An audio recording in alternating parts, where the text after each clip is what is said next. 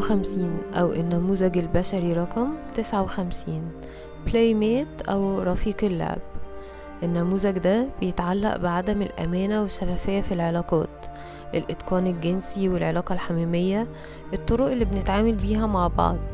هو بيعرف يغري الناس كويس قوي وبيحتاج حرية عشان يقدر يلتزم. أنا إيفون ماتا ودي سلسلة مفاتيح الجينات. النموذج ده بيجسد قوة الحياة النقية اللي بتخلق هالة قوية بتجذب الناس ليها وحتى الأشياء. بيفتح كل الأبواب لمشاركة العلاقات الإنسانية بنسب مختلفة في مناطق كتير. دايما حريص على إنشاء مشاريع إبداعية. بيركز على العلاقات المترابطة والاتصالات بين الكل. بيحب تحطيم الحواجز والحدود اللي بتقف في طريق الوحدة سواء جواه أو في العلاقة. يدور على حرية حركة أكتر ومساحة لقوة الحياة إنها تلف وتطلع لفوق وتتدفق. هو بيعرف يتعامل مع التفاعلات بينه وبين الناس بطرق مختلفة.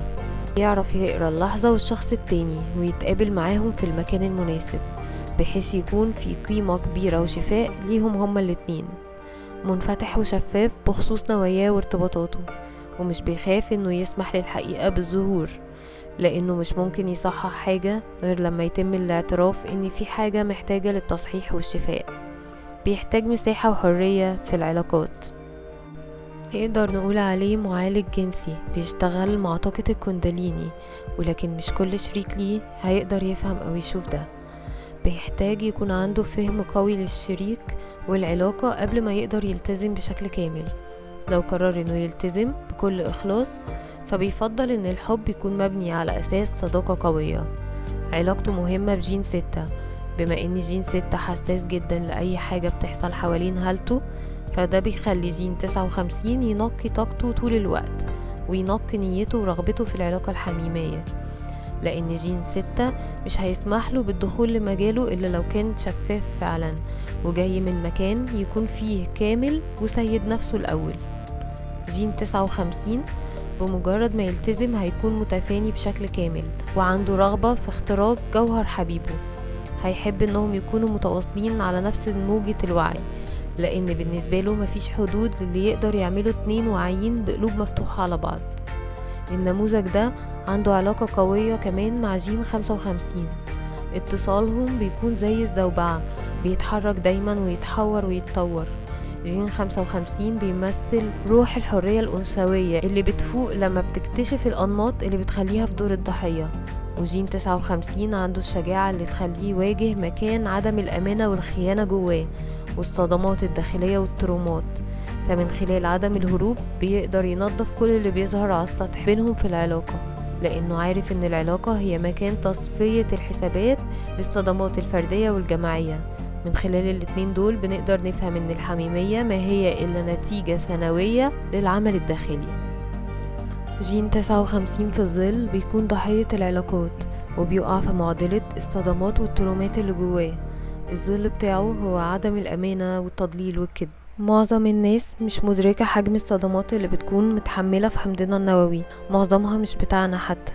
ولكنها ذكريات كل التجارب السابقة للبشرية بما فيها أنماط الجروح المتوارثة والجماعية طبقات كتير من الصدمات متراكمة جوه خلايا جسمنا وبالرغم من إن الصدمات دي قاسية وصعبة لكن علينا إننا نفضل نحولها جوانا ونشفيها من خلال إننا نكون واعيين بلطف على مكان الألم مع التعاطف مع نفسنا. ظل عدم الأمانة بيتكون بسبب الصدمات دي. بيبدأ الكذب جوا كل واحد فينا. بنكذب على نفسنا كتير وبنفضل نبرر سلوكنا السيء جوانا من خلال إننا نحط اللوم على حد تاني. ولكنك لو اتحركت ضد التطور في الوقت ده فأنت هتواجه ضربات قوية جدا. بتتعامل مع ظل عدم الأمانة بطريقتين. في الطبيعة القمعية بتبعد نفسك عن الناس بدون وعي بسبب خوفك العميق من فقد السيطرة. لأنك لما بتفتح أبوابك لحد تاني بتفقد السيطرة تماما لكنك بالشكل ده بتجذب انتباه سلبي بسبب استبعادك لذاتك وبالتالي بيتم استبعادك فعلا. وبتفضل محافظ على طرقك في إنك تستبعد نفسك سليمة حتى لو كنت حاسس إنك مش كويس لدرجة إن ممكن يتحول الشعور بالاستبعاد لحالة إدمان لأنه بيديلك وهم بإنك كده مسيطر على بيئتك العاطفية. أما في الطبيعة التفاعلية بتكون تطفلي أو اقتحامي. بتحاول تزق نفسك وتقتحم هالة شخص تاني جسديا وعاطفيا ولما بيتقابل بالرفض بتغضب وبتستبعد نفسك. بتحاول تحافظ على السيطرة على البيئة العاطفية من خلال إنك تلوم الشخص التاني وممكن تدمن العلاقات العاطفية الغير صحية طالما لقيت ضحية مستعدة للعب لعبتك. بتحاول تسيطر على علاقاتك عشان تتجنب الرفض وده معناه إنك مش ممكن ابدا تفضل في علاقة مع شخص صادق بما يكفي لإنه يتحداك. لكن لما تقرر امتلاك مصدر تصرفاتك مش هتحتاج تسقط حاجة على حد ابدا. عشان كده الذل ده بيتطلب تنظيف داخلي عميق. هي مش عملية مريحة لكن الخبر الكويس هو إن كل مرة تحول فيها الجروح اللي جواك وتتجاوزها بتحس باختراق الحب وتوصل للهدية وهي الحميمية وهي مزيج من الصدق واللطف. إنك تسمع بعمق لشخص تاني تسمع بعمق من خلال جسمك وقلبك ووجودك. ساعتها بتبدأ العلاقة الحميمية تظهر كنتيجة لتحولنا الداخلي. هي مش حاجة نعملها لكنها حاجة بتنكشف من جوانا لما نكون أكتر حميمية مع نفسنا جوا قلوبنا. وساعتها بنتخلى حتى عن الاحتياج لشخص تاني وساعتها بيدخل الحب الغير مشروط في اللعبة. أما المستوى التالت فهو الشفافية.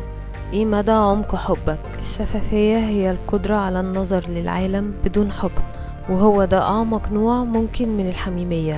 إننا نحس إننا فعلا كلنا واحد. إلى اللقاء مع جين ستين. ولو عجبك الفيديو اعمل لايك واشترك في القناة وفعل الجرس عشان توصلك كل الحلقات.